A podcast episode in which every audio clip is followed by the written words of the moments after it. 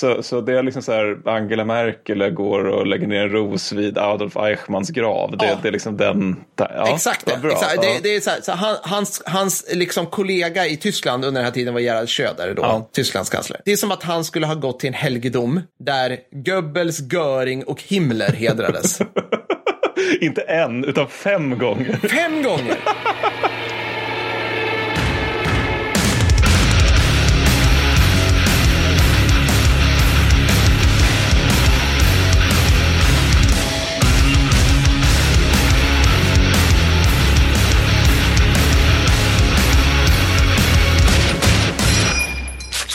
Återigen så har vi tråkigt nog en eh, runa. Den här gången så är det en Ludvig som vill uppmärksamma livhusaren Linus Albinsson som tragiskt nog har omkommit i en olycka. Linus är saknad av både vänner och familj.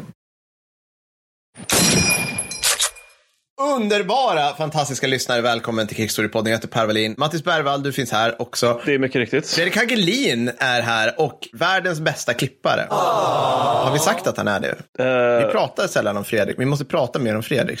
vi måste prata om Fredrik. det måste vi Mattis. göra. För hans privatliv, hans politiska preferenser, Ja, ja. hans smak till mat. Ja. Allt detta. Nu gick han härifrån i vredesmod.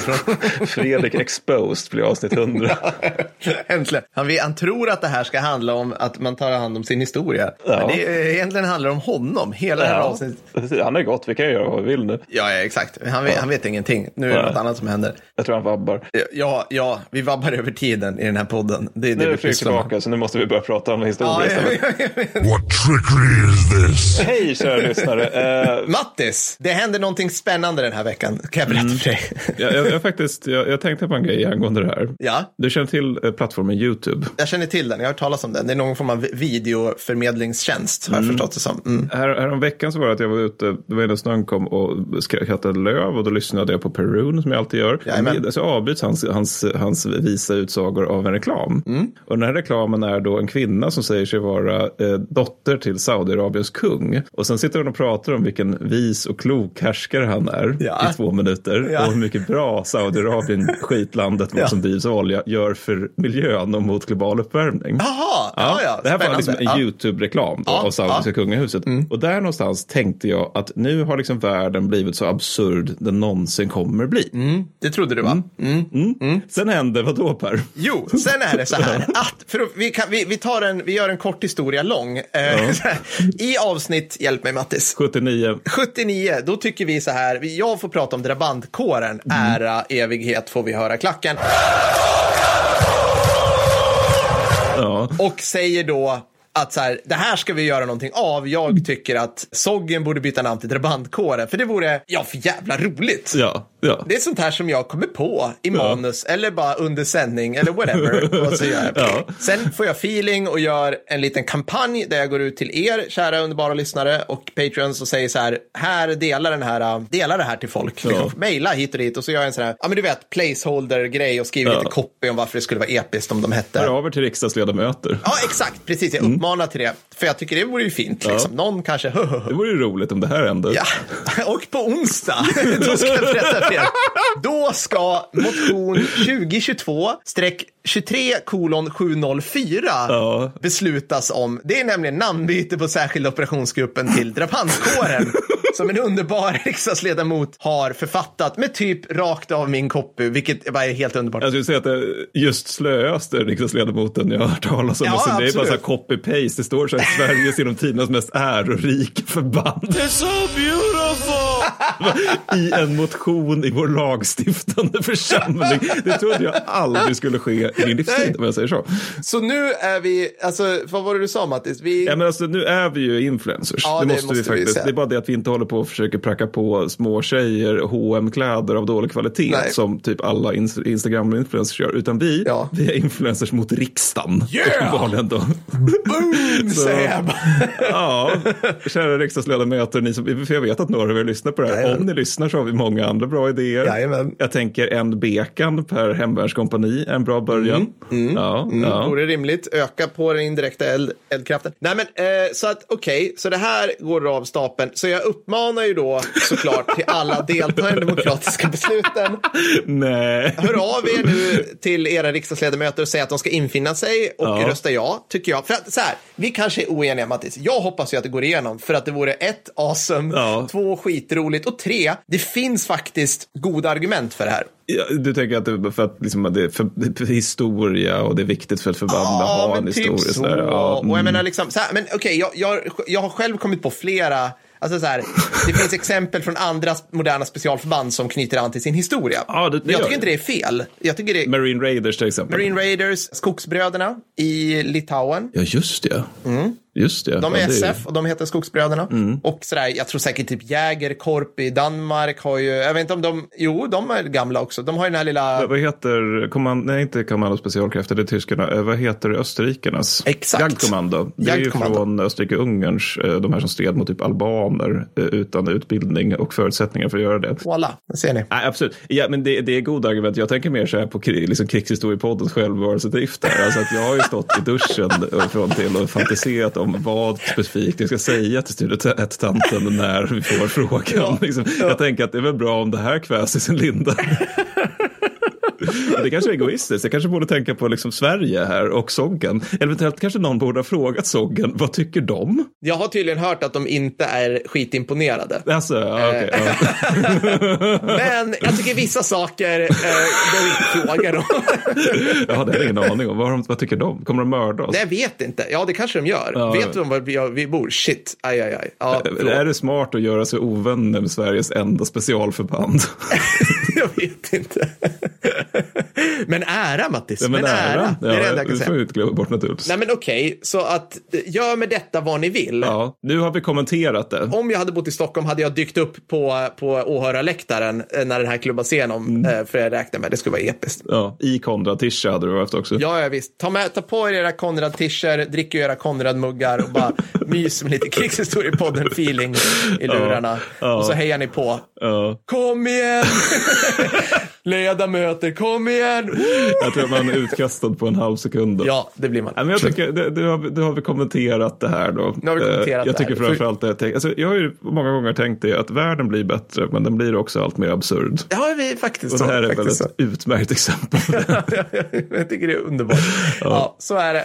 Ja, ja. Okej, så återigen riksdagen, om ni har, vill, behöver fler förslag. Jag tycker pansartåg till alla. Oh, det vore Bara för att det vore episkt. ballt. Mm, ja. Det var väl mer. A36-vargen, ut på förband nu. Ja, varför, vart är den någonstans? Herre min Ja, skapare. men det som utvecklar skiten, säg åt Saab. Jag vill också ha, eh, jag vill ha mer K-pistar. Alltså jag gillar Mm. inte AK5, den är för tung. Bara ge, ge folk mer K-pistar över tid liksom. Jag tycker också högre officerslöner vore bra. Alltså det menar jag på allvar i och för sig, men, Mm. men, eh, men det vore bra.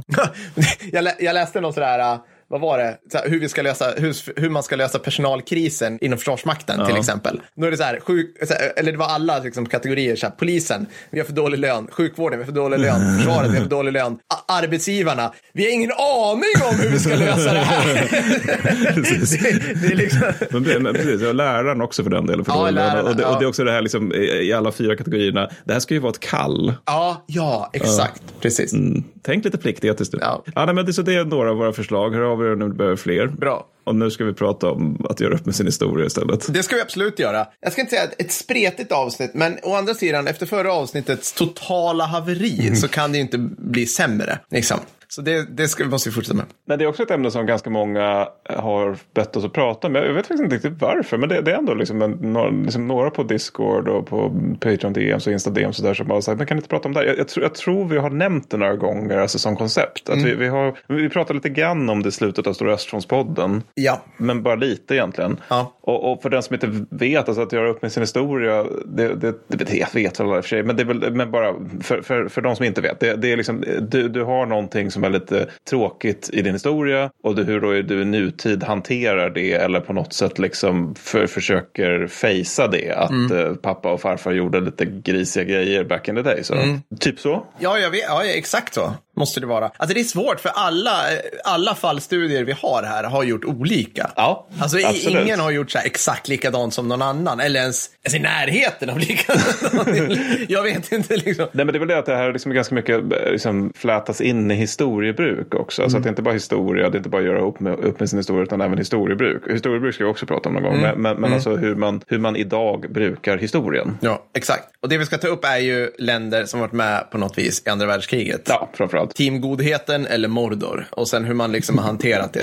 Eller mest Mordor. Eller, eller Ja, ockuperad. jag, jag kommer komma in lite på annat också. Men, Ja. men, eh, men vi har en del, så jag tänker göra en shoutout. Ja. Och det är för att jag har haft åtminstone, haft åtminstone fyra lyssnare Ja. som varit av sig och sagt att jag kräver en shoutout till Fredrik. Ja. Han förtjänar mycket, mycket mer beröm än vad ni ger honom.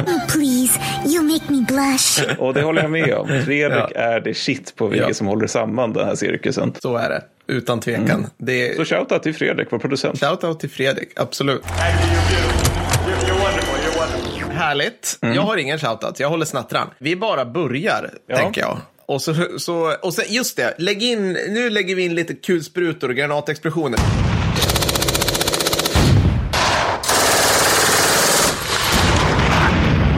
För det blir tyvärr inte så mycket sånt här. Det blir inte. Det blir inte. Det blir lite mer gris bara och vi pratar Ja. om, om jobbiga saker, typ, mest. Fan vad mörk den här hösten har varit. Men har jag, Väldigt Men vi har, ju, vi har ju precis släppt typ så här äh, expressavsnitt om typ så här ratte, alltså P1000. Alltså, Jo, när vi att- spelar in det här, men när de lyssnar på det här, då, då, är, det, då är ju det ett tag sedan. Ja, ja, ja, absolut. Ja. Men då får de ju gå tillbaka. Hallå? Ja, ja, precis, precis. Jag bara säger att det finns liksom, om man, om man tittar så här släppdatum. Ja, ja. Eller ja, ja, hur som Ja, vi får hoppas att det ett extra avsnitten till patroner eh, där ni muntrar helt enkelt. Ja, Men ja, precis. i alla fall, jag tänkte börja med en fallstudie varför det är svårt att göra med, eh, upp med sin historia, kolon britterna. Where are we now? Gör er redo för britthatet. Ja, We are the chosen few.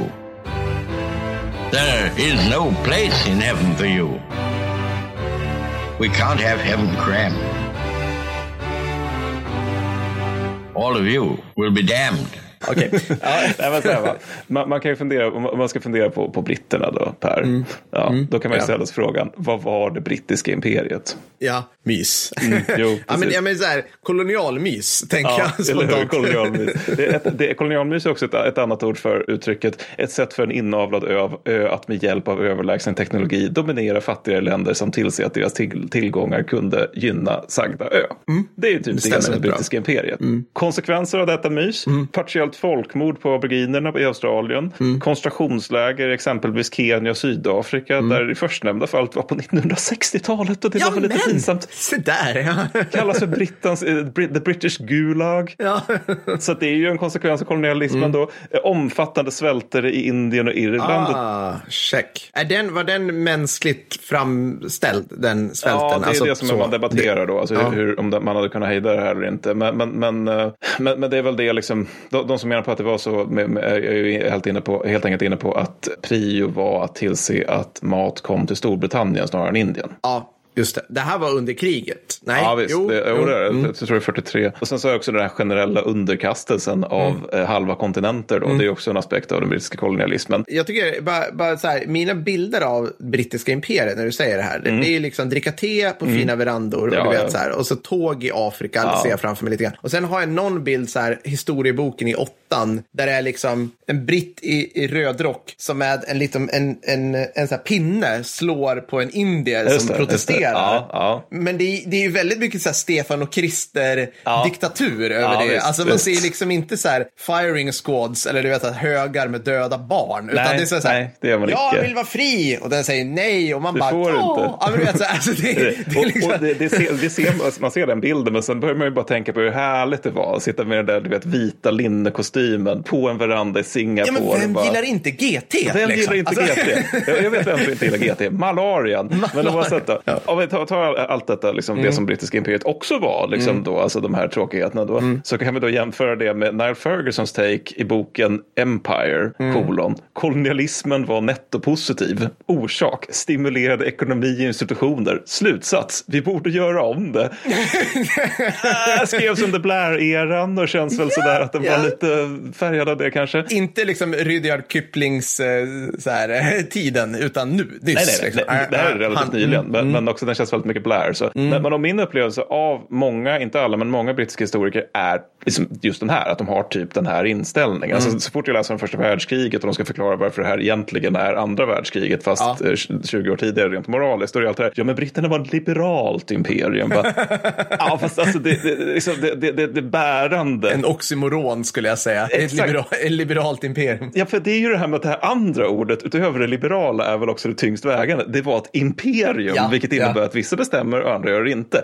Paradexempel, Max Hastings i den riktigt usla boken Catastrophe, där han ska förklara då att det han går in på det här med att när tyskarna mördar tusentals belgiska civila under invasionen av Belgien, vilket nota bene är ett jävla krigsbrott. Mm, Men Hastings då känner då ändå att han måste, han ska liksom förklara varför det här är det värsta tänkbara brottet vid kriget, Ja. eller vid tiden. Och då, då sitter jag och bara, fanns väl också lite grejer i Afrika vid tiden. Och det vet ju Hastings, så att han skriver då liksom att ja, men behandlingen i franska och belgiska k- kolonier could be harsh. Bara, lustigt nämnde just belgiska kolonier. Ja. Varpå Hastings fortsätter bara, men det här var kvalitativt värre. Bara, alltså, jag har sett rätt många bilder på folk med avhuggna händer i Kongo, Ja. inklusive Ja. barn. Jag vet Ja. inte om det är liksom, vad är, är det kvalitativa här, är det melaninnivån? Är det det vi pratar om Max? Ja. Eller vad, ja, men så att, och jag menar, British Museum består ju mer eller mindre av saker som britterna liksom plockat på sig från afrikaner och asiater och som de absolut inte kan tänka sig att lämna tillbaka Nej, liksom hundra år senare. Nej. Så, men samtidigt är det också så att kolonialismen generellt verkar svår att göra upp med. Mm. För att jag menar, fransmäns reaktion på allt sånt där är ju alltid, men äran? Ja, ja, Och sen har vi liksom belgarna som bara, äh, men vadå, vi har väl kvar statyer av Leopold II till eh, 2020? What the Jaha, de, de har tagit ner dem nu? Är det Ja, så? några har de tagit ner. Jag är faktiskt inte på att de har tagit ner alla. Men den här personen då som ja, tog livet av några miljoner kongoleser, eller snarare via sina handlingar. Den, Ja, ja, givetvis, Ja, givetvis. fortfarande staty. Men, men det är ju liksom, man, man, på något vis, man tittar ju på vad de är nu. Och det Mm. blir så här, folk ramlar av stolen när de får reda på liksom belgiska Kongo, vad som hände. Mm. Men samtidigt tittar man så här, ja men titta på Belgien. Alltså det, det är ju skämt. Det är en förstad till Paris som inte kan hålla sams om något. De håller på med våfflor och öl. Alltså man bara, man blir nästan så här, men låt dem hålla på då. Alltså du vet, Ja, ja. varför? Medan däremot liksom, Tyskland och Japan har ju, alltså där är det ju viktigt för oss andra, mm. deras grannar, att de tar tag i sin historia. För annars kan de göra om den. Just det. Det var en jävligt bra poäng. Ja. Belgien kan liksom inte åka ner Nej. med sin armé på 1500 pers och ta Kongo igen och börja... alltså det spelar liksom ingen roll Nej. om hela Belgien bara fan vad vi, det var nice att vara folkmördande as. Nej, precis. Gummiträden, finns de kvar? Utan det är bara, ja men håll på. Alltså, så Men som tyskarna får den impulsen igen så Ja. är det ett problem Ja. med tanke på att de är Europas ekonomi. Ungefär så. Ungefär Ja, så. det, det är en jävligt bra poäng, precis. För Be- Bel- Belgien betyder ingenting. Nej. Eller liksom, jag menar, det, det är väl ett trevligt land, men, men det betyder ingenting på världsarenan. så- Nej, och det är väl lite samma sak med britterna egentligen. Ja, alltså, skulle, nej, är vad, vad skulle britterna göra mot, mot Indien idag? Alltså, så, Indierna, vi har också kärnvapen. Ja, det var ju rätt mycket snack om det vid Brexit i brittisk så- sån där, den här typen pöbelmedia verkligen. Du vet så här, typ Daily Hile, nej Daily Mail menar jag, Ja. som uh, höll på och de och skrika om att nu är det dags för imperium igen. jo, jag vet inte om det är helt dags. Men, men, men, men, men jag tänkte, jag ska fortsätta, sen så är det din tur. Men jag ska fortsätta lite grann och prata om några som faktiskt har gjort upp med sin historia. Och det skulle jag säga är tyskarna specifikt. Det, det, det är ganska intressant det här för att det verkar vara ganska många som tror att de inte har gjort det. Det var när Unsere Mutter Unsere Väter kom på, på SVT, alltså Krigets unga hjärta med svensk titel. Då var det han Johan Kroneman i DN som skrev någon så här sällsynt förlåt. så att, ja, jag skrev en så här sällsynt pantad tv-krönika. Jag vet inte om det är så smart att vi hänger ut folk, ja, men skitsamma. I, i, eh, där, där, där han beskrev liksom hur tyskarna... Fredrik har en- allt utgivaransvar. får bra, bra, alla precis. elaka brev. Ja, men men han skrev någon krönika, tv-krönika då, om, om eh, hur tyskarna äntligen hade gjort upp med sin historia via den här tv-serien. Och då var det liksom bara att den kom ju typ så här 2015, 2014 där någonstans. De Precis. har gjort lite mer Ja. än en tv-serie. Ja, för, ja. För, för grejen är liksom, alltså, om man tänker sig Tyskland alldeles efter andra världskriget. Mm. Då, då är det ju liksom så här, amerikanerna typ så här, frågar via enkäter. But I do have one question. För jänkarna jobbade så på den tiden. Mm. Var du nazist? Och alla tyskar var nej, nej, nej.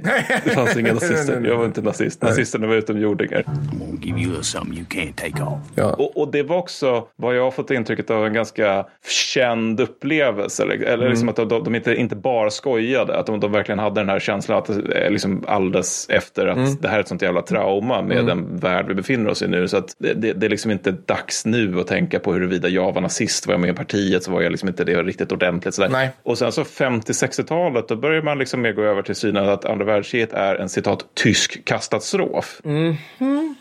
Tysk. Och det är en lite, lite, lite intressant syn på det hela. Alltså, och det är klart det var det. Men man kan ju också se det som en katastrof, alltså som vi gör idag, en, en katastrof som tyskarna drabbade Europa med. Ja, en tysk katastrof. Nu, okej, nu, fa- de tyckte alltså, alltså... en typ katastrof för tyskarna. Jaha! ah, då kom vi in på den japanska sidan, men jag tar det sen. Ja, Ja, ja, ja. men- Och då, då är man inne på det här, så här tyskarna, tyskarna var Hitlers första offer. ja men åh.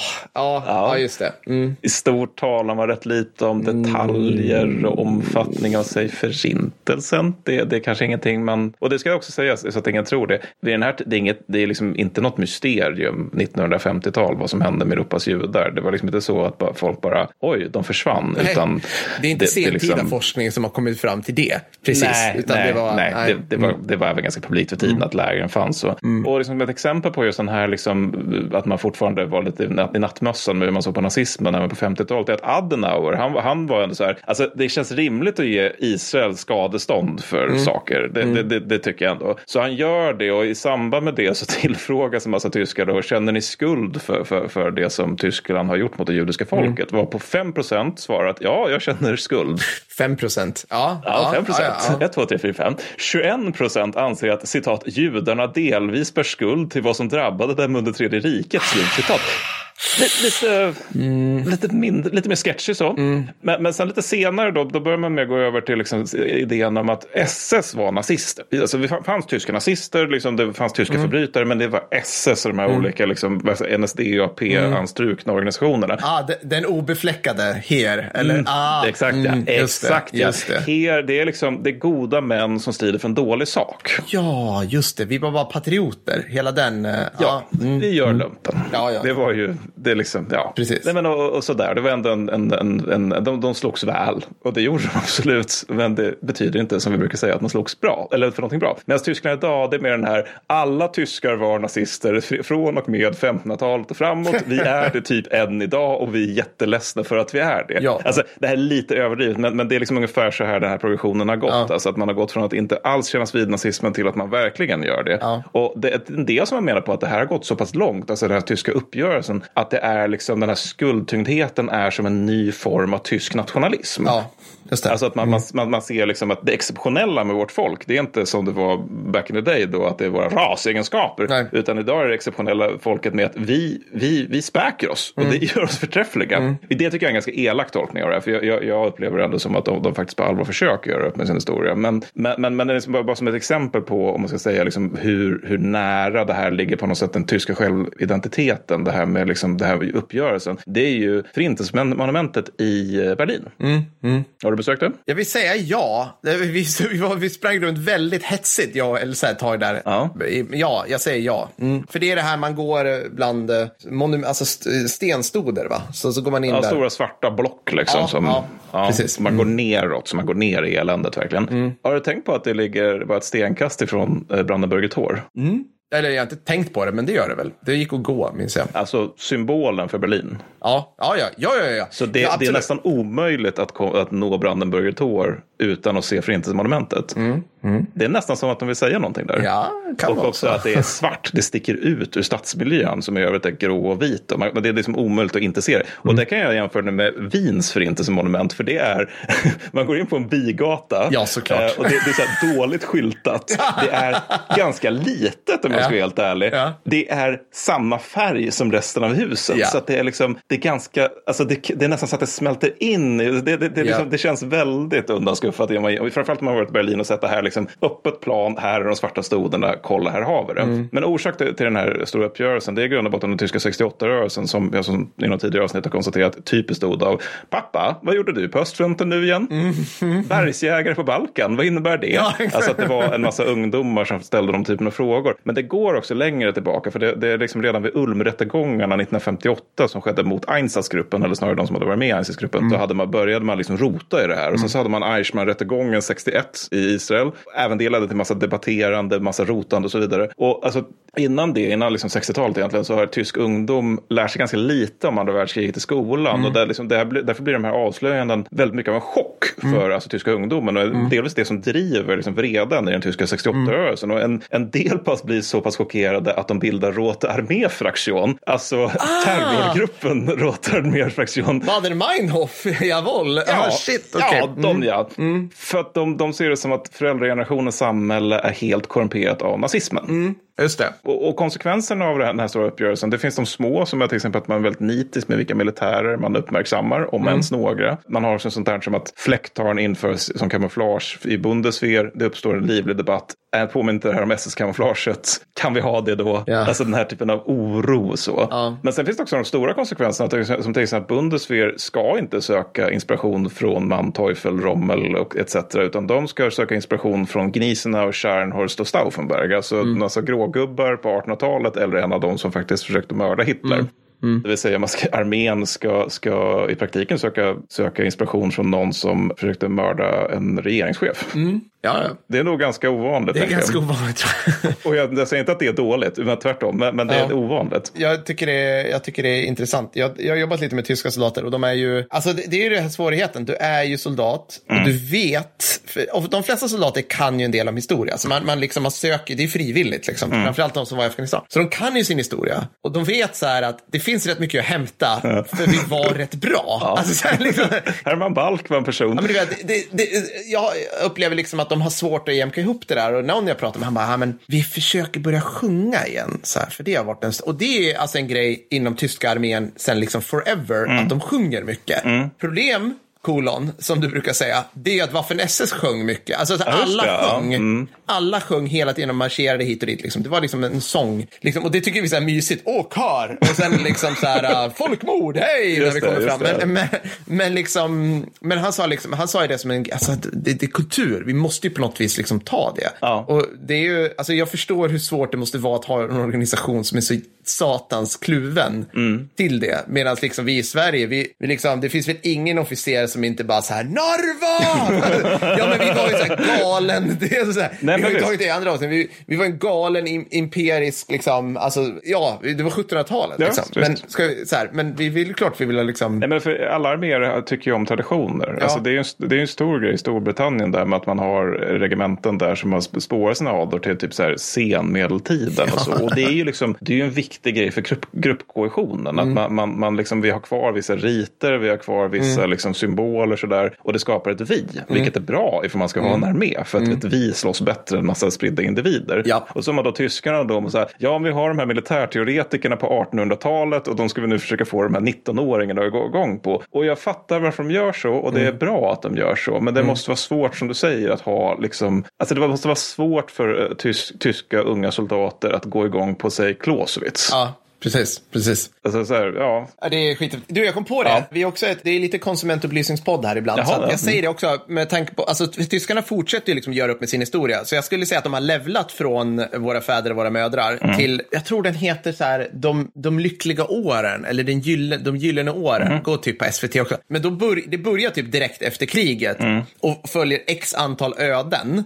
Där det är liksom mamman till den liksom SS-soldaten som aldrig gav upp, eller frun till SS-soldaten som aldrig gav upp. Den här industripampen som var obefläckad. Vet, och så ja. kan du tänka dig att det här blir bara supermycket. Och så allting liksom, så mycket bagage Mm. från VK2 som följer med så länge samtidigt som du har den här frustande ekonomin, Mm. liksom, eh, så här 40, alltså 50-talet och fram. Alltså riktigt smart och också svårare materia att hantera än krig. Alltså, så här, Ja, absolut, Våra fäder och mödrar jag tittar ju på den och bara, fan vad coolt. Coolt. Det är typ Band of Brothers fast tysk. Yeah! Ja, men, och sen är det lite så här, ah, okej, han är jude, det var jobbigt. Ja, men, nej, men, jag skojar, men förstår du vad jag menar? Liksom. Men alltså, det här måste man så här, sitta och bara, men, va, vänta, ah, kol och stål, ja just det, så, här, uh, du vet, det, ja, det är skitintressant. Lite komplex materia helt enkelt. Det kan man säga, ja. ja. Så att de fortsätter ju, liksom, och det tror jag är alldeles riktigt, att skrapa på det här liksom, Ja. på, på alla sätt man kan. Liksom. Ja, men det där, det, där, det där blir liksom aldrig, det där är ett sår som aldrig blir ärrvävnad i Tyskland känns det som. Nej. För att de håller på att klia på det hela tiden och det är bra att de gör det som sagt. Mm. Men, men, men det är också nära nog unikt. Men bara lite snabbt, andra stora konsekvenser av att den här stora uppgörelsen det är ju att de också eftersträvar goda relationer med Israel Mm. och även med Ryssland. Alltså en delanledning till att de innan 2022 har varit liksom så här, ja men liksom Dumma i huvudet. Nej, förlåt. Jag menar, ja. Nej, men att de, de tycker så här, vi har haft en särskild relation med Ja. Ryssland. och. Det, det skulle jag säga är det dåliga samvetet. Men, men det är mycket av det här med att alltså, det svåra med en uppgörelse, och inte minst med den svåra tyska uppgörelsen, det är ju det här att det på något sätt är lager av ondska man måste hantera. För att alltså, Lager av ondska. Ja, men det är ju verkligen det, för jag jag, menar- vet inte varför det var roligt. Men det var, det var...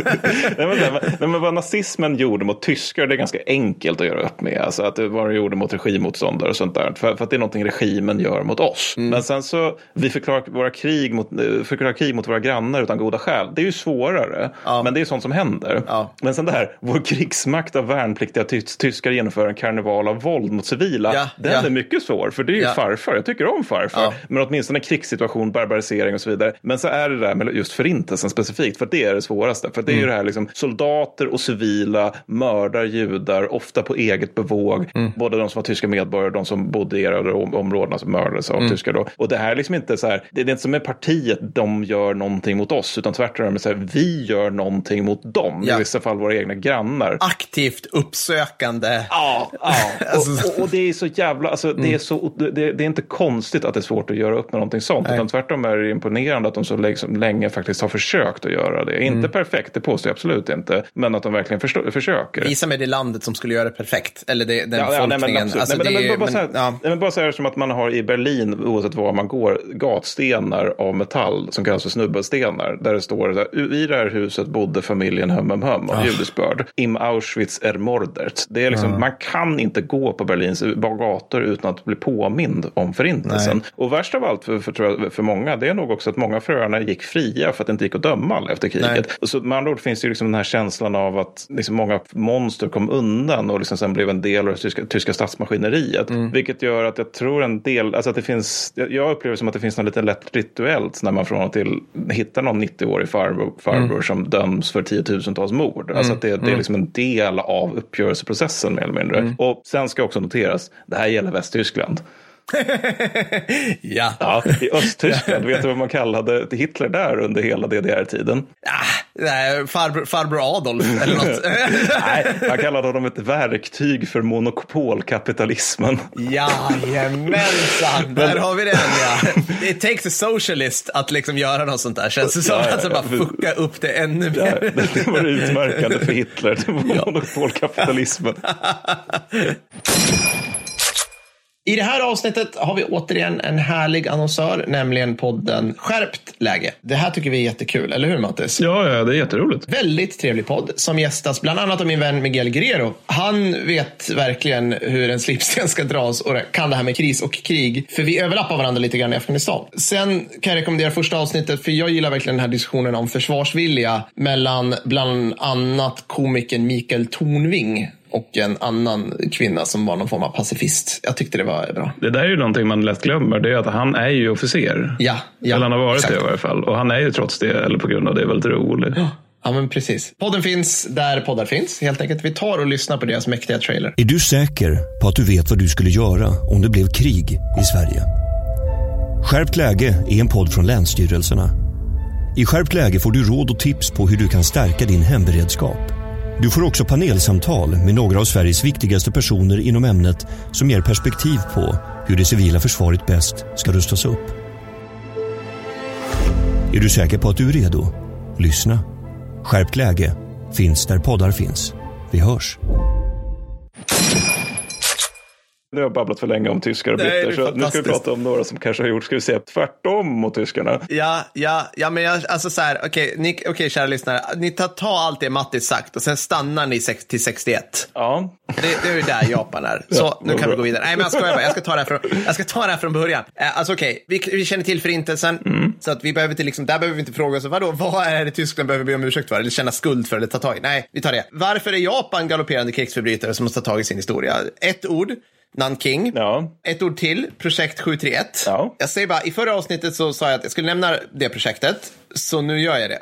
Ni får googla själva, för jag vill inte prata mer om det. Nej. Men det är liksom bevismaterial A för ohyggliga brott mot mänskligheten som Jobba gjorde sig skyldiga till under andra världskriget. Det blir inte mycket värre än projekt 731. Alltså det är så, det är så ohyggligt överlagd ondska på något vis. ja Liksom. det är bottenlös vidrighet. Ja, och eftersom det här handlar om Japan Ja. och jag är jag så passar jag givetvis på att kritisera MacArthur. Bra. Som, ja, för han sa på riktigt, alltså det, han är fan det sämsta som USA, som har hänt USA. Alltså, jag kan inte, ni, vet ni vad han säger till de här vidriga människorna som styrde projekt 71? Nej. Citat, ni får immunitet om, nej inte ett citat, ni, så, så, så, ni får immunitet om ni delar med er datan Ja. som kommit fram till genom obeskrivligt vidriga mänskliga experiment, bara till den amerikanska regeringen och inget annat. Så att, alltså inte nog med att de får immunitet, vi vill ha datan Ja. och ni får inte ge den till våra allierade. Nej. Inte britterna, inte fransmännen, in, absolut inte ryssarna. Så att han är, han är liksom, och han gör det här på eget bevåg också. För att Ja, han har mandat, alltså jag blir helt, Ja. Ja. någon dag ska vi ha ett avsnitt om liksom, alltså, ockupationen post VK2 i Japan, bara Mm. för att MacArthur är, ja, han leker Caesar. Ja, han leker Caesar och det kommer mer kängor, kära och fjädrar på MacArthur snart. Mycket bra. Det viktiga här är att det jag precis sa nu får absolut inga som helst japanska skolbarn lära sig om i skolan. Nej, check. Inga, inga. Check. Inte idag, inte för, för 40 år sedan. Inga sätt. Så, vi, men vi börjar lite grann. Nu vet ni liksom varför. V- vad är läget i Japan idag? Sen kanske vi går bakåt. Mm. Så man har, eh, US, amerikanerna gillar enkäter fortfarande, Ja, ja. kan meddela. Ja. Så de har frågat så här, vad, vad, vad kärnvapenbombningarna av Hiroshima och Nagasaki berättigade. Alltså sättet att få slut på det här fullkomligt vidriga kriget som framförallt skördade japanska civila offer för de höll på att svälta ihjäl. Var det berättigat så att liksom er regering kunde kapitulera? Här hänvisar till avsnitt fyra här ifall ni vill höra Ja. vår åsikt i frågan. Ja. Precis, 79% säger såklart nej. Mm. Och man bara, okej, fair enough. De flesta har inte, likt du och jag resonerade fram till avsnitt 4, tänkt till. Nej. De har tänkt fel. Ja. De, ja, så här, Korrekt. okej. Men det här med, med liksom, det här straight-frågan då som avsnittet handlar om. Så har Japan bett om ursäkt i tillräcklig omfattning för sina handlingar under VK2? 48% säger ja. ja, självklart. Okej, ja, fair enough. Mm, all right. 28% säger nej. Mhm. Mm. Okej, ja men fint. 15% säger ingen ursäkt behövs ges. Ingen ursäkt. Mm. Ja, fint. I- Vi gjorde inget fel. Vadå?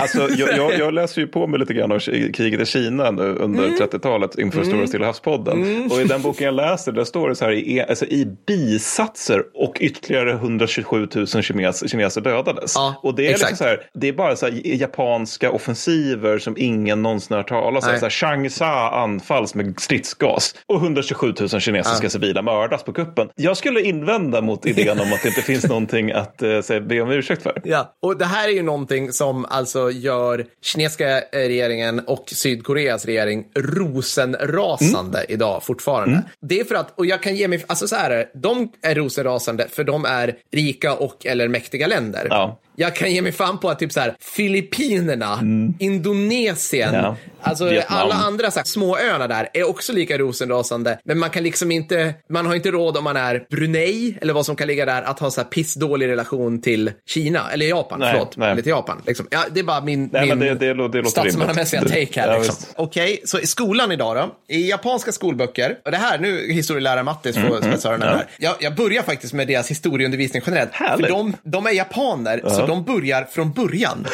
Så historieundervisning börjar alltså ungefär när de första däggdjuren dyker upp på det, land. just det. Och sen går de genom hela problem. Är att historieundervisningen är liksom inte prioriterad. så nej. att du har liksom, Ja, men det är ju som i svenska skolan då. Oh, snap! ja, exakt, du har typ tre, alltså jag minns inte, det är typ tre timmar i veckan max under x antal år. Mm. Vilket gör liksom att lärarna bara, okej, nu är vi framme vid så här sena, sena bronsåldern.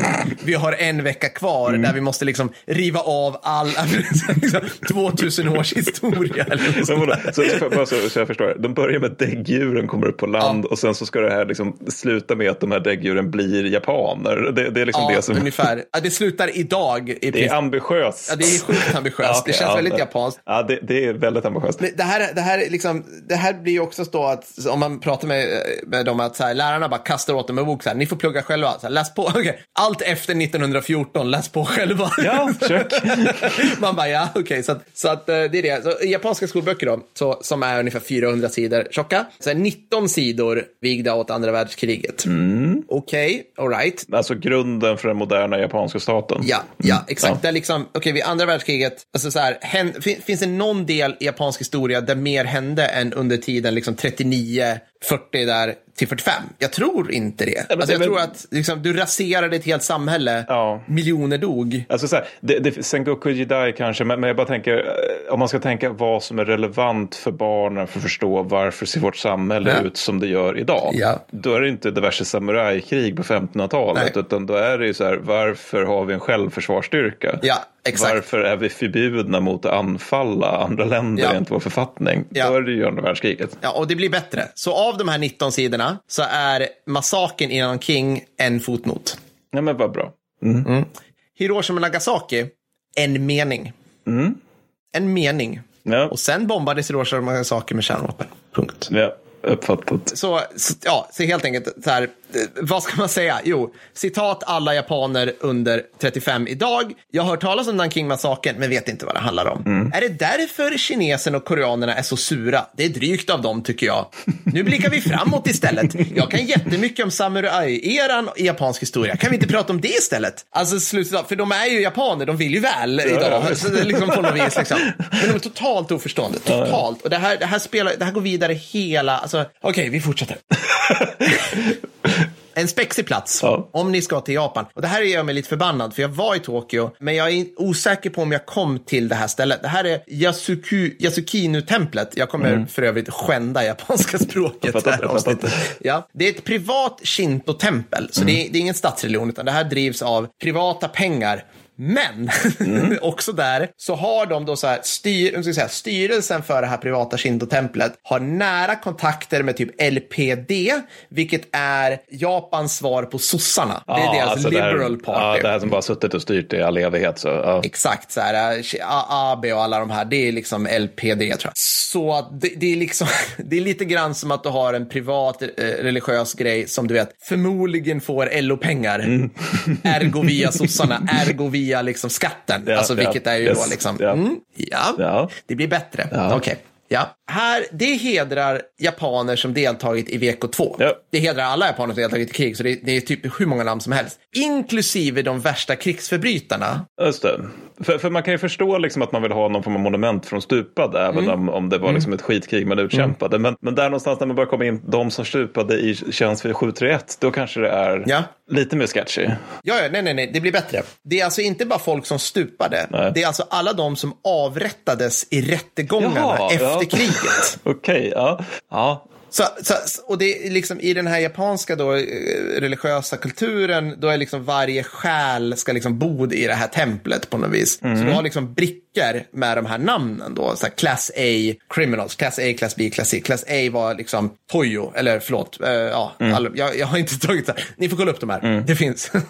Okej, fire enough. Det här är ett jävla knäppistempel, man behöver ju inte gå dit, eller hur? Nej, nej. Ingen tvingar någon att gå dit. Alltså det, det är bara låt dem vara. Det är väl fritt, det är ett fritt land. Ja, spelar ja, väl precis. ingen som helst roll. Liksom. Knäppisar får tycka vad knäppisar Ja, vill. ja. Så är det. Men det här jävla templet Ja. besöktes fem gånger av den då sittande statsministern, premiärministern, Ja. Junichiro Koizumi. Alltså under hans mandatperiod. V- när var det här? Det här var 2000, han satt till 2005. Han satt Okej, 98 ja, till check. 2005. Så, så det är liksom så här, Angela Merkel går och lägger ner en ros vid Adolf Eichmanns grav. Det, Ja. det är liksom den, ja. Exakt det. Bra, Exakt. ja. det, det är så här, så han, hans hans liksom kollega i Tyskland under den här tiden var Gerhard Schröder, då, Ja. Tysklands kansler. Det är, ja, men exakt, det är som att han skulle ha gått till en helgedom där Goebbels, Göring och Himmler hedrades. Inte en, utan fem gånger. Fem gånger! Fem gånger. Ja. Det här, och det här har hänt, alltså det här har besökts av flera andra japanska regeringschefer, både sittande och tidigare, men alltså högdjur. Mm. Så att fortfarande går, fortfarande går Reinfeldt och lägger ner blommor vid liksom, alltså, Gösta Borgs grav. Exakt, Ja. alltså, eller nå- någon så här jävla svensk nazist någon gång. Alltså, Mm. det, är så, det, är så här, det, det är liksom, jag vet inte om det finns något bättre sätt att så här, spotta i Japans offers liksom, ansikte Nej. kring det här. Nej, Nej det, det är faktiskt riktigt jävla groteskt. Det, det, är, det är helt sjukt. Det blir lite värre. Ja, vad bra. Eh, Vilken tur. precis. 62 medlemmar av det japanska parlamentet i grupp besökte templet 2008. Ja, 2008. Det är skönt. Mm. Och om ni undrar liksom vilken koppling det här, men så här, är det religiöst liksom? Så här, nja, nu kommer vi in liksom på, det här är liksom tassemarkerna, liksom brunskjorten-nationalism som också är kopplade till det här. Mm. För andra sköningar som besökte det här templet, det är Jean-Marie Le Pen, som liksom gick ur väg, alltså gick en omväg för att besöka det här i Japan. För att det här är liksom Ja. vi som tror på en stark, homogen, Ja. vit Ja. gärna national... Ja. Yes. Och så här, British National Party-ledaren Adam Walker, vilket är brittiska fascister, Mm. National Party. Är inte det här liksom så här lite vaga så här högerpopulist någonting, Nej. Rakt av fascister? Så. Ja, precis. Så jag fortsätter med läget idag Ja, och sen kan det. jag ta lite så här, så här okej, alltså det här är någonting som jag blir så här, det här är en okänslighet som jag ramlar över som får liksom pöbelhöger Per att skruva på sig till och med. För Mm. att det Japa den japanska imperiefanan, det här är en dålig svensk översättning Mm. av mig. den, den här röda, ja, den röda bollen, den röda uppåtgående solen på vit fana och så de här äh, strålarna som går ut. Mm. Just det, just det. Alltså örlogsfanan så. Liksom, ja. Exakt, det är ju deras örlogsfana. Och det är det som är problemet. Den används ju än idag officiellt Ja, ja. i Japan, bland annat som war ensign, alltså örlogsflagga. Men även i privat bruk. Så bland annat dyker den upp vid barnafödslar, om fiskare kommer hem med bra fångst så hissar de upp den här. Det, det är liksom... Låt oss nu återigen översätta det till tyska förhållanden. Eh, Nej, men jag gör så här, okej, folk, man tar lite, man drar, lite i bromsen där, för Okej, att den ja. finns sedan 1500-1600-talet. Ja, men fair enough, fair enough. Mm. Så, så, så att det är inte riktigt svastika-nivå. Men det är ungefär som om typ, säg att alla nationalgarden i alla amerikanska sydstater Mm. plus alla större sportlag skulle gå runt med liksom det. på uniformer. Och man kan vara så här, jo, okej, det var fanan ni stred med då. Det var också den som höll på med slaveri. Ja, Alltså, så och det var också så att ni försökte omkullkasta den amerikanska staten. Så Ja. ni var ju landsförrädare. Ja, ja, det, ja det, precis. Så det här är liksom, den här flaggan är förbjuden av Fifa. Nu får Fredrik, sportnörden här, och en, det är en massa andra kontroverser kring den här, kring OS i Tokyo 2020. Så det är liksom, det är extremt känsligt i Sydkorea och Kina om det är liksom, alltså, olika sportevenemang där, man, ja, där de kommer dit. De får inte visas. Alltså det, det har jag rätt stor förståelse för. Ja, alltså, jag också det. Ja. Eh, liksom. Så det är internationella påtryckningar att förbjuda flaggan, men liksom japanska ledningen säger det finns inget problem, det här är inget som helst kopplat Nej. till. Man bara, jo, okej. Det finns men, ett problem. Det finns inget problem för er. Nej, nej, precis. Och så generellt sett så är det så här att ja, alltså, historieundervisningen i Japan är under all kritik som vi har konstaterat. Men om man väl börjar fråga folk liksom, och, och gräver i det här och frågar liksom, professorer och så här, då blir det snarare så här att man stöter på liksom, konspirationsteoretiker på rätt så här, hög accepterad nivå. Där det är liksom folk, så här, professorer som sitter på diverse universitet som bara, men hände verkligen Nanking-massakern? Liksom, Ja, men, alltså, men här, det, det där har jag noterat, alltså, för det finns hela monografier som är skrivna av Mm. alltså, japanska historiker och facket som är så här, om det hände just, alltså specifikt Nanking, Mm. om det hände så var det, alltså de, de typ tar, tar bort tre, fyra nollor från antal slaktade civila. och sen hela den här frågan med comfort women som de kallar Ja. det så fint. Ja. Där är ju så här liksom, ja nej men de var ju, det var ju frivilliga tjejer till väldigt stor del som tjänade sig en extra peng genom ett påhugg. Mm. Ja. Det är vad vi andra kallar sexslaveri, vad det Ja. de sysslade med. Men, men, och det, det, det är väldigt intressant just att det är ofta liksom så här professor Mm. Yoshimito Mir- Miragara eller någonting som säger så. Ja. Alltså att det inte bara är något så random random troll som sitter på japanska Flashback och skriker om att hur det egentligen ligger till med världen. Det, det är väldigt... Ja, men så här, den kinesiska regimen hyrde in skådespelare att låtsas vara offer så att världspressen skulle luras att den japanska armén begår övergrepp. Man bara, okej. Det här är ju Butcha, alltså Putins reaktion på Butcha. Ja, ja, ja, visst. Alltså, det, det är så, det är så då, de, går runt liksom och så här, frågar sig själva också så här, för de är ju så, de är ju så nära allierade med USA idag. Så då, då finns det mycket liksom retconna hela skiten att så här, nej, nej, nej, USA förstod inte att det vi stred mot, det var ju den begynnande kommunismen i Kina. Ah, mm, Så USA tog fel just det. på land. Det borde slagits mot Kina. De har slagit mot Kina. Ja, just det. Chiang Kai-shek är ingen de har hört talas om. Det, det, Nej, absolut, check, nej. absolut inget Nej, sånt. Liksom. Så det, det, det finns otroligt mycket sånt där. Så, så jag har försökt liksom, alltså, och det här är ju nästan problemet, så här, för att det finns, du kan berätta om jättemånga exempel på där man har tagit upp det här. Liksom. Mm. I Japan så är det ju den här, det är, det är en sån kompakt tystnadskultur kring det här. Så att du har mycket, du har ju haft liksom om och om igen läpparnas bekännelse från japanska premiärministrar som har så här, vi ber om ursäkt, Mm. kliver av podiet. Vi, ja, det här var fel, kliver av podiet, går till Yasukinis templet, Mm. tänder ljus. Och förstår inte. De förstår inte, alltså det är som att liksom, jag vet, det är ett autistiskt drag nästan i hela japanska kulturen. Liksom. Men har, har de gjort, för tyskarna som sagt har ju på att betala skadestånd man, Mm. till både privatpersoner och stater för, för vad de gjorde under andra världskriget. Finns det något snarligt att japanerna har liksom gjort det? För det är ju ändå en ganska tydlig grej att nu tar vi skattemedel Ja. för att ersätta dem. Nej, In, inte vad jag har Nej, stött på. Ja. Inte, inte så, utan det, det är liksom, de, de har bett om ursäkt Mm. min uppfattning. Jag kan ha fel, då får man skriva det i kommentarerna där man nu läser det eller lyssnar på det. Hur som helst. Vi går tillbaka lite i historien Ja. och återigen får jag komma tillbaka till MacArthur. För en, ett problem här är ju liksom det att MacArthur godtar Japans ovillkorliga kapitulation. Sen låter han då kejsaren, alltså högsta statschefen om man säger så, sitta kvar. Ja. Det här är ett problem. Då blir liksom syntax error i japanska medvetandet för att alla så här, häng med nu, alla soldater tjänstgjorde i kejsarens namn. Det är liksom det, det är absolut, inget händer utan att kejsaren vet om det. Han har bett alla soldater, från liksom klass A-förbrytarna till tvångsinvärvade koreanska bönder, liksom. alla tjänstgör i kejsarens namn. Kejsaren fick ju sitta kvar. Han fortsätter efter att MacArthur har tagit, eller efter att USA har ockuperat Japan, att vara ättling till gudarna, ofelbar, Ja. alltså en del av solgud, alltså det, det går liksom inte att, komma högre. Nej. Ergo, en ofelbar varelse kan ju inte ha gjort fel. Nej. Därför måste de här också vara typ Precis, ja. hjältar, liksom. Hans förkämpar. Precis, för att de, ska, de är ju hans representanter liksom. Och det inne, och exakt och det som han är ofelbar. Ja, det, det, ja, mm, yes, yes det, det, blir, det blir klurigt. Alltså, och sen, jag, jag kan ju tycka, jag förstår ju varför de sa kejsaren får sitta kvar. För annars, hade, annars tror jag det hade blivit Operation Downfall. Alltså att de inte hade gett sig i alla fall. Tror du det? Jag vet, jag vet. Ja, kanske, eller nej, Jag det tror- kanske inte blir för att det är han som kapitulerar. Men, men det är ändå, jag förstår ändå att de hade en oro där. Liksom att vad gör vi med alla liksom, japanska soldater som är på olika öar? Liksom, vi behöver ju, vad kommer, alltså, hur kommer de reagera ifall kejsaren blir, in, liksom, blir liksom ställd inför krigsrätt? Så. Ja, Jag, jag vet inte. Nej, men jag, vet, inte. jag, jag bara menar på att det, det nog var lite klurigt tiden. Men ja, jag håller med. Det är klart det blir väldigt svårt med historien Mm. ifall man har en gud i praktiken då. Som, ja.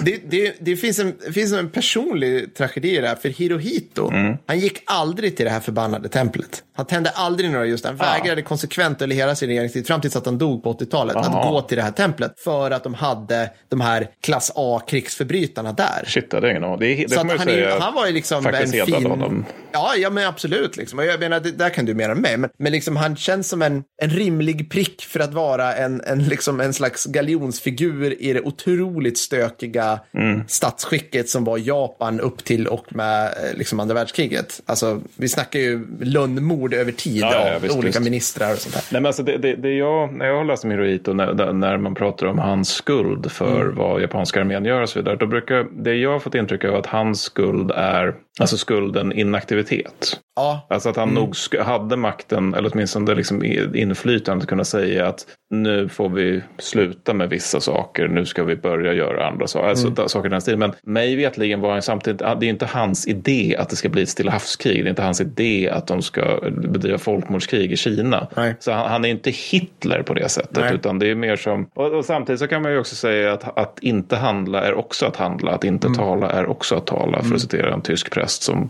var mot nazisterna. Ja. Men, men, men återigen, det, det är inte, han är inte Hitler, det är han inte. Nej, men, och så liksom, jag, när man läser om det här så får jag bara känslan bara så här. Jag börjar så här, anser japaner att vi andra liksom verkligen är människor? Det, här kan låta, gro- det här kan låta hårt, men jag menar, de är ju en av de mest isolationistiska länderna i världen. De tar aldrig in invandrare. Nej. Alltså sug på den. De är typ värre än Saudiarabien på att vara medmänskliga, att ta in folk i sin kultur. Det blir det svåraste som är. De kan skicka pengar till svältande barn i Afrika, fair enough liksom. Det gör vi absolut och vi har en viss liksom, men men för man behöver inte be om ursäkt till djur, eller hur? Nej, nej. liksom? nej, jag förstår Alltså, det, på- det, det finns en slags, en slags, och det är lite grann som du och jag pratar om, liksom, att det är ungefär som svensk nationalism. Mm. Att så här, det är lite fult att prata om hur bra vi är, för vi vet ju det. Förstår du vad jag menar? Alltså alla vet det, Den så du sanna behöver svenska inte... nationalismen, det här storkukslugnet över att Exakt. vi är världens bästa land. Jag tror Japan har liksom storkukslugnet upphöjt till 10 här. Ja, för att det är ja. liksom, och, och så här, okej, deras syn på krig efter det här, det, är- det är ju liksom att det är tråkigt. Krig är hemskt. Mm. Krig är ju dåligt. Vi är alla offer för krig. Krig borde sluta. Mm. Alltså krig abstrakt. Krig i liksom obestämd Ja. singular liksom. Inte, inte kriget med versalt K. Inte krig, inte ett särskilt. Nej, det, nej. finns ingen, finns ingen gråzon här. Liksom. Det, är, det, är en, det är en massa, det, det är liksom Mordor, punkt. Det är, bara, det är mörkret. Här är, kriget är mörkret. Och det, de har massa saker om att det här är dåligt och vi får aldrig hålla på med det här, inskrivna i deras konstitution, lagar och förordningar. Men det känns lite som, alltså, det känns lite nära den här dagismoralen som typ när, fan vet jag, Miljöpartiet, påven och gråterskorna på DN Kultur håller på med liksom att allt är dåligt är dåligt, punkt. Vi behöver inte prata mer om det här, det är bara dåligt. Just det, vi är bra för saker och mot dåliga saker. Vi är för, exakt, Mm. allt bra är bra, allt dåligt är dåligt. Jag har inget mer att säga om det här och vi vet att vi är liksom, idag är vi japaner team godheten. Ja, ja, absolut. Vi gör Så vi det behöver med inte prata mer om det här. Liksom. Så, så de, de har inte tagit tag i sin Nej, det, historia. det, det framgår med Punkt. all önskvärd tydlighet. det, det finns nu, och det är så roligt, för det är bara sista grejen, man stöter på, BBC har varit där, de har hittat en kvinna, det här är nog kanske 10-15 år sedan tror jag, men som liksom har börjat nysta i det här Mm. med Nanking, vilket gör liksom att hon, kom, hon har liksom kommit fram, alltså det är ungefär som en person som kommer fram till oss och bara, Mattis, Mm. så här, första världskriget var ju fruktansvärt, varför är det ingen som har berättat om det? Alltså hon är på den nivån. Ja. Alltså, Jaha, vi, ja, vi, ja. har, vi har liksom västvärlden har vetat om det här och hon bara, men titta! och alla bara, ja? Alltså, så här, liksom, vadå, du kom på det nu? Wikipedia har funnits i 20 år. Alltså, hon för kan gud, vilken liksom- chock det måste vara för den personen. Alltså man, för, för jag har en kompis som han, gjorde, han, är, han är doktor i historia och han gjorde sin postdoc i Hiroshima. Mm. Och jag vill minnas att han beskrev det som att man i, för det finns ju jättemycket minnesplatser och sånt där i Hiroshima, att man, Mm. att man där bland annat säger saker, skriver saker stil med att Hiroshima offrade sig för freden. Ja. och man har det, alltså inte det här Hiroshima njukades för att Japan, amerikanerna ville få japanerna att sluta göra motstånd, Nej, vilket nej. var grejen. Men, Nej. nej. men alltså, om man har den inställningen och gått igenom hela den inställningen under hela sin skolgång Mm. och hela sitt vuxna liv. Att det, liksom, om det var krig, vilket det var, så var ju vi naturligtvis offret med stort O. Eh, Vi gjorde ingenting och det var Mm. Nej. Mm. krig, liksom. Krig är hemskt. Men och sen om man då tvingas att inse som vuxen att hela den här idén om att man bara är ett offer. Notabene är det klart att japanerna var ett offer, Mm. men, men det, de också hade offer om man säger så. Mhm. Det måste ju vara som chock för systemet. Alltså, det måste verkligen vara en chock för självkänslan. Att man måste ju, ja, men det måste ju bli som Baader-Meinhof återigen. Att liksom bara, hela det här samhället är en lögn. Alltså det, ja. det, är liksom, det måste verkligen bli den grejen. Ja. Det, jag kan inte, ja, det måste vara fruktansvärt och så otroligt homogent samhälle, så otroligt liksom tyst kultur Ja, liksom, på tyst. det viset. Ja. Ja. helt sjukt. Ja, jag har lite kort om ryssarna. Och, men, men, du kanske kan komprimera om danskarna. Jag Men jag kan. tycker det är jävligt intressant med japanerna. Ja. var. Nej, men så här va. Ryssarna. Ja. Får jag höra Trollololmannen? ho. ja, men de, de, de har också aspekter av sin historia som de behöver göra upp med. Eh, naturligtvis. Eh, Nej, vadå? Nej, ingenting. Ja, men alltså, det, det, det, det är lite intressant med dem i och för sig att det är till väldigt stor del eh, saker i deras historia där ryssarna har var, gjort monstruösa saker mot ryssarna. Det, Ja, det, just det är en lite intressant aspekt med deras historia. Men, men, eh, men, men bara som ett exempel då. Anthony Beavers bok Berlin från 2002. Det blev avskydd och hatad i Ryssland eftersom dess beskrivning av massvåldtäkterna som var ett i Tyskland då, som Röda armén begick, eh, det, det vanärade hjältarna som räddade världen. Professor Oleg, eh, nu ska vi se här, Resheshivsky Ja. menade att tyskarna kunde förvänta sig citat en storm av hämnd, slutcitat, eh, för sina brott, men att citat det inte hände, slutcitat. Och jag skulle vilja invända, de som undrar vad, jag menar med det kan lyssna på Stora Östrons avsnittet där de delarna om den hämnd som faktiskt skedde var enligt Fredrik, Fre- vår producent Fredrik direkt svåra att klippa. De kan vara ganska jobbiga researcher kan jag säga. Peter Pomerantsev som är en väldigt härlig person, han har noterat att ryssarna tenderar att när de ska liksom beskriva sin historia och när man ska liksom rösta fram vilka är våra favoritryssar så här, i den ryska historien, alltså historien, då tenderar de att gilla så här, stränga fadersfigurer. Ah, jag ser ett mönster, jag ser en trend, jag ser en förklaring ja, här. eller hur? Eller hur? Nej, men du vet, Ah. här auktoritär alfa. Jajamensan. Liksom, du vet, inte en schysst snubbe alls. Nej. Utan det, det blir liksom sån här som Putin naturligtvis. Men även Peter den store som, alltså, för den som inte vet, han var en jävla rövhatt. Mm. Alltså, att det, det var liksom en av hans favoritgrejer var typ att tortera folk. Alltså, Mm. det, det, det var, han, var, han var helt galen. Och sen naturligtvis Stalin. Ja, såklart. Stalin. Ja, för att alltså 2019, och nu vill jag bara poängtera hur länge sedan det här inte är. 2019 uppger 70 70 procent av tillfrågade ryssar att de har en positiv bild av Stalin. You're like a blind kitten, comrade. Och det här är också, det, som, det, det här är också inte heller som att 70 procent av tyskarna skulle ha en positiv av Hitler. För att alltså, det här är ju återigen, alltså Stalin näst Hitler är den person under 1900-talet som förmodligen har mördat flest ryssar. Certain people must die in order for the system to work. Ja, exakt. Och, och lik förbannat är det liksom att ja, men, vi, vi tycker ändå att det var en sjuhelvete till karl. Ja. Ja. Alltså jag fattar, det, det, Nej. det, kan du förklara det här för mig? Nej, jag kan inte förklara det. För för här, här börjar man liksom närma sig att är det här en annan planet? Alltså hur, kan, Ja. hur, kan ni, Men hur kan ni tycka att... Det, det är nästan orimligt. Det är nästan rimligare att liksom etniska blonda tyskar bara, "Ja, men jag gillar Hitler för att hela Hitlers stick var att döda alla andra förutom mig. Ja, precis, och att de som är precis som jag ska ha det bra. Medan Stalins hela stick var, jag vill döda ryssar. Alltså, Alla om man tittar dö. på hans Det- handling. Ja eller alla ska dö, ja. precis. Liksom. Ja, precis. ja exakt. Ja, men det, det, är så oerhört konstigt. Och det, det, det, det handlar om är ju i grund och botten det att de typ har glömt bort stora terrorn, att de idag, eh, 2022, tycker att Holodomor var väl liksom så här lite för milt mot ukrainarna, mm. eller inte hände, och om det hände var tyvärr nödvändigt. Polackerna verkar vara bråkiga, så det, det var synd att vi var för, för, för linient ja, mot dem. Liksom. Vår mm. mildhet känner inga gränser. Nej. Men det det handlar om är ju naturligtvis stora fosterländska kriget, andra världskriget. Mm. Mm. Och där har vi då att de tar 75-årsminnet av, av eh, stora fosterlandskriget avtäckte de ryska väpnade styrkornas katedral. Mm. Känner du till där? Ja, jag har hört namnet, jag har nog inte sett några bilder eller vet så mycket mer om det tror jag. Alltså, utsidan är en ganska ordinär katedral. Mm. Bortsett från att jag vill minnas att det finns korslagda ka- kalasjnikovs över ingångarna. Så jävla tacky. Ja, det är så otroligt tacky. Alltså, har det, de det, också så här blockbokstäver där det står så här carpe diem någonstans liksom så här med ljus i. Ja, men, ja, men man får, det, det är exakt, för det, det, är, det, det är nästan det man blir mest Jävla provocerad av. dålig Att det är smak. så, dålig, smak. Exakt. Ja, jag, Det- jag blir provocerad. Ja, men exakt. Det är så, man, får, man får den här känslan att rysk maffiachef har stått för interiörerna. Men Ja, oavsett då. det ska vara guld! Mycket guld! Ja. Ja, men för insidan då, den är täckt med ikonografi av ryska krigare, Mm. framförallt Röda armén. Eh, vi kan notera här att sagda Röda armén till mycket stor del bestod av ukrainare, kashaker, tjetjener med flera. Men vem bryr sig om det i den storryska sfären? Nej. Så oavsett är det också så att man ursprungligen skulle ha en mosaik föreställande både Putin och Stalin Ja. på insidan det här stora fina katedralen som hyllar ryska väpnade styrkorna. Ja. Och där är min, min, det står i mina anteckningar, the fuck. För det är mitt enda konstaterande av det. Ska vi ha så sittande diktator och en gammal diktator? Ja. Alltså, vad, vad, tänker ni? Och ovan är ju naturligtvis helt i linje med Putins propaganda om andra världskriget. Eftersom, och det som är intressant är att sena, och nu menar jag extremt sena, Sovjetunionen mm. och framför allt under 1990-talet, då började man faktiskt tampas med det här jävla mörkret som var andra världskriget. Mm. Att man började liksom gräva i vad gjorde vi mot oss själva under den här tiden? Mm. Inte så mycket mot vad gjorde vi mot tyska, mm. tyska civila, men, men, det kan man också förstå för de var verkligen utsatta för så groteska... Varför har vi sådana sjuka, weirda hål i vår demografi? Alltså, ja, här, ja, var det här helt rationellt utfört? Var det liksom lite slösaktigt från till kanske? Ja. Men nu däremot så är vi liksom tillbaks i socialrealistiska kämpar som, som individer ja. bes själva besegrar Nazityskland. Ja. Liksom, modern rysk krigsfilm där liksom äran är total och evig. Mm.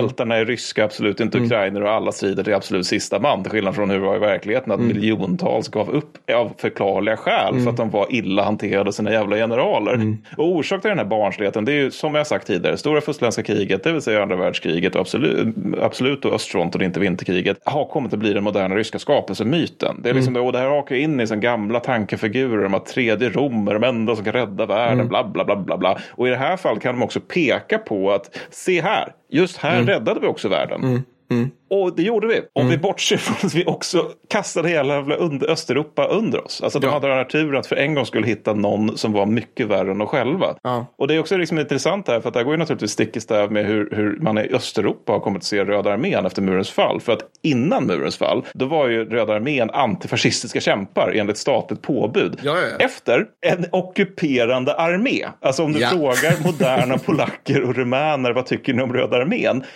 Inte jättehärligt alltid. Och, alltså, det, och det är ju inte konstigt om man säger så. Men, men, eh, men och det här används också naturligtvis att legitimera skit som man gör idag. Till exempel Ukraina, att alla som är emot Putin är nazister enligt ryska Russia Today. Såklart, såklart. Nej, ja, ja, fantastiskt. Alltså, det, det, är nästan för enkelt att kritisera rysk ja, historieskrivning. Ja, ja, jag sitter bara och så här, jag så här, för er som lyssnar på det här om åtta år, vi sitter alltså mitt i Ukraina-kriget just nu, vilket gör att hela västvärlden har äntligen vaknat upp till vilka rövhattar ryssarna är. Generellt. Här har vi en öppen dörr. Matte ja, stormade liksom igenom den med nöjd min.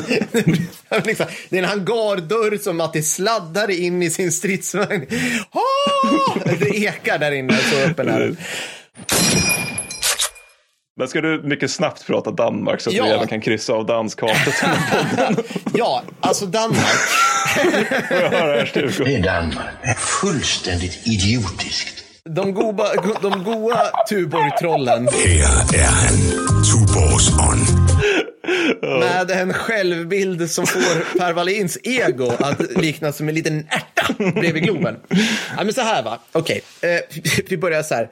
vad, ska Danmark ha för syn på kriget? Alltså vad, var Danmark med om? Ja, de stred, då, obs, det var inte ett slag, utan det var en eldstrid som, led, som ledde till, liksom, jag kommer inte ens ihåg vad den heter, det är liksom slaget om Danmark var 20 minuter långt ja. och bestod av så här, en dansk skyttekompani som fick på pälsen av typ så här, tysk pansarspaning någonstans i södra Jylland. Punkt. Var det typ så här cykelskytt cykelskytte eller någonting som mötte? Jo, ja, mm. jo, det är väldigt roligt. Det finns film om det här som, ja, såklart med han Pilou Ashbeck, så good jag, jag hoppas det här är en komedi. Eller är det liksom en så här folk faller i slow motion film med de som skjuter sina sista kulor mot tyskarna film? Nej men, det, ja, men det är typ, nej men du vet, det är som allt som danskarna gör. Det är liksom, det är Scandinavian noir nästan. Ja, alltså, så här, du vet, han, eh, han har dålig relation med sina barn och du vet, han är full, men han är ändå älskar dem fast han gillar. Ja, du vet, alltså det är mycket, mycket det där. Skitsamma, så Danmark kapitulerar på sex sex timmar. Mm. Yep. Och sen påbörjas en, en ockupation till 45 som är snäll. Ja. Alltså den är snäll om man jämför med typ alla andra länder som tyskarna ockuperar. Danmarks regering sitter kvar, mm. Danmarks kungahus sitter kvar. Mm. Det här leder till att man, som vanligt som tyskarna gör, man sätter upp en Freikorp Danmark. Jag vill bara, bara göra här liksom lite kontrast. Mm. Kontrastera Norge. ja. Håller ut längre än Frankrike. ja. Tillfogar tyskarna betydande förluster och är liksom det mest hardcore landet i hela Skandinavien under den här tiden. Men ja. Exakt. Precis så är det. Och jag inkluderar finländarna där. Ja, det gör det. Jo, så att eh, så Danmark, alltså de bara glider in där och bara så här, eh, kan, vi, kan ni fortsätta producera typ mjölk, eh, fläsk och, och smör? Mm. Och danskarna bara, ja, och så blir de typ bäst på det Ja. i hela den ockuperade Ja, Europa. fint. Roligt fun fact, mer om det i Taste of War. Eh, Hur som helst, men tyskarna behöver eh, folk, så de säger så här, vi kommer sätta upp Freikorps Danmark som är liksom Waffen-SS, alla ni som får gå med. 6 000 danskar Mm. Tjänstgör i Freikorps Danmark, men 12 000 ville vara med, Mm. men bedömdes som icke tjänstdugliga. Så 12 000 danskar säger så här, de här, de här fascistiska erövringsarmén som vi gav upp mot efter sex timmar, Ja. som håller på att ockupera våra grannländer och bedriver etnisk rensning, visste man kanske inte så mycket om, men man förstod att det var skit. De ska vi gå med. Liksom. Mm. Ja, absolut. Sex, hälften av de som ville gå med var ju, var ju, var ju så här för Tuborg svullna, jag vet inte, så här portvinstå-aktiga danskar, så de kunde inte. Till detta kommer att 77 officerare direkt ur Danmarks armé bara kliver över. Jaha, ja, men vad fint. Ja. Ja. Och det, jag måste sätta det här lite i perspektiv. Alltså, Danmarks hela armé vid invasionen var 14 000 man. Ah, och det var väl värnplikt då antar jag? Ja, ja, alltså liksom så. Så det, det var hela, det var liksom det som stod. Men bara menar att, så att de är liksom alltså tvingade att vara uniform. Ja. Och kontra 12 000 som frivilligt. Ja. Ja. Mm. Ja, ja, exakt Jag så. bara säger det. Ja, precis. Och av de här 14 000 så 77 av deras officerare, vilket är en ansenlig del officerare Ja. på en armé med 14 000 man. Ja, det är det. Faktiskt, det är det definitivt, skulle jag ja. vilja påstå. Och det här är också den enda legionen i Waffen-SS, alltså så här, nationell legion, som regeringen, den danska regeringen låg bakom. Alltså så här, som man, de liksom, det här sätts upp av den danska regeringen. Jaha. Såklart på initiativ av tyskarna. Alltså, Ja, så, men, men ändå, liksom, alla andra drevs av nazistpartiet eller liknande respektive land. Det vill Mm. säga att Norge, Belgien, Nederländerna etc. Då måste man ju kontrastera det här. Så här okej, men vad är, vad är, liksom, vad, vad är, mot, vad är vad jag säga, motståndsrörelsen? För det är ju det som är Danmarks stick idag kan man säga. Ja, ja. Liksom. Eh, den är ju alltså så här, ja men okej, den, den börjar med underrättelseinhämtning till de allierade direkt efter invasionen. Det dröjer till 43 innan våldsaktionerna börjar komma igång. Ja. Alltså det ni, det ni tänker på är så här, la, la resistance, du vet. Så här, ja. Eldöverfall och sprängda Exakt. tyska Ja, men det här, och sånt där. ja, Ja. exakt så. Men man tror att uh, på sin höjd så var kanske 20 000 danskar aktiva i motståndsrörelsen på något vis. Mm. Jag försöker inte förringa det här. Det som är intressant är liksom att Danmark har inte på något sätt problematiserat Waffen-SS-delen av det här. Nej. Att de var med och st- sted i Demiansk-fickan. Ja. Det finns ingen dansk film som gjorts på dan- och danska kan göra bra skit. ja, definitivt. Som, som liksom man följer en dansk soldat där han blir liksom övertygad nazist och, och du vet, åh nu ska jag hänga med här och du vet, och sen kommer han hem och då, då fick ta mycket skit de här hemvändande av folk, alltså även på permission liksom. Finns inget i, utan det Danmark har valt att problematisera, det är motståndsrörelsen. Va? Ja, det här är spännande. I typ alla andra länder, då är motståndsrörelsen obefläckad godhet. Ja, ja, ja. Här är liksom, i Danmark, då är det så här, var det riktigt att ha ihjäl individer på det sättet? Var inte vi lika dåliga som, ja, det här är sant. Kolla på, alltså det, det är liksom, det, det är peak gråskala. Men- Kolla på men- Flamman och citronen med Madge Mikkelsen. Men, men, här, men, liksom. men förlåt, men, men alltså, alltså, det är väl behjärtansvärt att man, man har liksom en komplex syn och Ja. att en motståndsrörelse Ja. kan ofta bli. Men det här är ju galet. Om du vill problematisera kan du väl fundera över Waffen? Ja. Eller menar, det, det är liksom så här, men det- de här som brände byar i Vitryssland. Liksom. Alltså, de, Exakt, exakt. Så, att, så att, är det här ett typiskt dans, liksom Kierkegaardisk existentialistiskt funderande? Alltså, för jag, jag känner liksom, det känns lite mer vuxet än liksom, ja men om man skulle vara totalt defaitistisk liksom, som, eller alltså, totalt liksom oförstående som, som japanerna. Eller liksom, eller vända på alla stenar, framförallt då liksom som tyskarna. Liksom, att, ja men coolt då att ni, att ni liksom väljer att, att se det komplicerat. Ja, du ja. vet. Alltså så här, typ som att, ja men eh, han den här uh, kedjerökande snyggingen som slåss för, han, han ramlar in snarare i motståndsrörelsen och han, han har varit dum tidigare, Mm. nu är han slåss han för de här och så ska han ha ihjäl den här tyska officeren, men den här tyska officeren han gillar att ge godis till barn. Ah, komplext. Moraliskt svårt. Så men, men, vad liksom, men det är det de väljer att lägga krut på i Ja. Danmark. Det är det, liksom. Eh, Inte någon som helst, inga, alltså, inga inga, inga problematisering om Waffen-SS. Jag tror liksom då, liksom nu, så hatade de ju såklart att de hade Waffen-SS. Ja, ja, alltså det finns, det, liksom, det finns rapporter från liksom tiden att så här, det, det kastade sten efter hemvändande soldater, alltså permissionssoldater. De så här, var nazister. Men liksom, nej, det har man Gud, inte tagit upp. Alltså. det är jättemärkligt. Jag, jag, liksom, jag bara, vad är det som händer? Ja, för jag förväntade mig att jag skulle få utlopp för danskhatet i den här pratan, men, men, men snarare blir jag mer, förvirrad. Jag vad blir också förvirrad. Jag är också förvirrad. Det, men det är som att de bara, jag, jag vet inte, det är liksom så här, vi kan inte riktigt hantera, de har gått liksom, de har gått överkurs direkt. Ja, ja. Istället för att bara så här ha en bra krigsfilm om, som är knepig, alltså ha en Stalingrad. De skulle kunna göra en Stalingrad fast med danskar, Absolut. på riktigt liksom. Det- Så, så bara kör de flammande citronen och allting är lite svårt. Mm, det är artsy danskar som har gjort det, jag vet inte. Precis. De har läst, Dogma-manifestet har gjort mycket med Danmark, det är det vi får säga, komma fram till. Det känns lite jag har så. ingen aning. Ja, precis. Så att, lite antiklimax där, jag ber om ursäkt. Mm. Men det är i varje fall, om ni vill ha lite danskat så kan ni tänka så här att, vad är det för fel på er? Så slu- Sluta vara så jävla emo eller någonting. Oklart. Ja, Ja, det blir fantastiskt. Ja, men det var väl fantastiskt det här. Ja, ja det var det. Vad, Ja. vad, vad ska vi prata om nästa gång Per? Det ska jag berätta för dig. Nu ska vi säga tysk-österrikiska kriget. jag, låter, jag är lika förvånad som dig, kära lyssnare. Det här hade jag ingen aning om. Jag har inte berättat det för dig, men jag la in det. För att jag Det tänker att nu är det dags för Ja. semifinalen i eh, European War Challenge. Så Vi har, vi har ju haft eh, kvartsfinalen, dansk-preussiska kriget i, jag vet inte vilket avsnitt, men det var ett Patreon, så det är typ så här 58 eller någonting. Ja, Ja. Och nu är det dags för semifinalen. Och en dag så kommer vi komma till tysk-franska kriget också. Jag älskar det, men det är fantastiskt roligt. Alltså vi kan aldrig ha för mycket 1800-talskrig i den här podden. Nej, det, alltså, det jag, jag kan inte mycket om det, men det lilla jag kan om det, det är att det finns någon form av Konrad-motsvarighet. Det gör mig lycklig bara i hela kroppen. Bara av det. Liksom. Fan vad nice. Ja, men det är fantastiskt. Härligt hörni, Ja. men eh, då hörs vi då. Det gör vi. Tusen tack för att ni lyssnar. Hej då!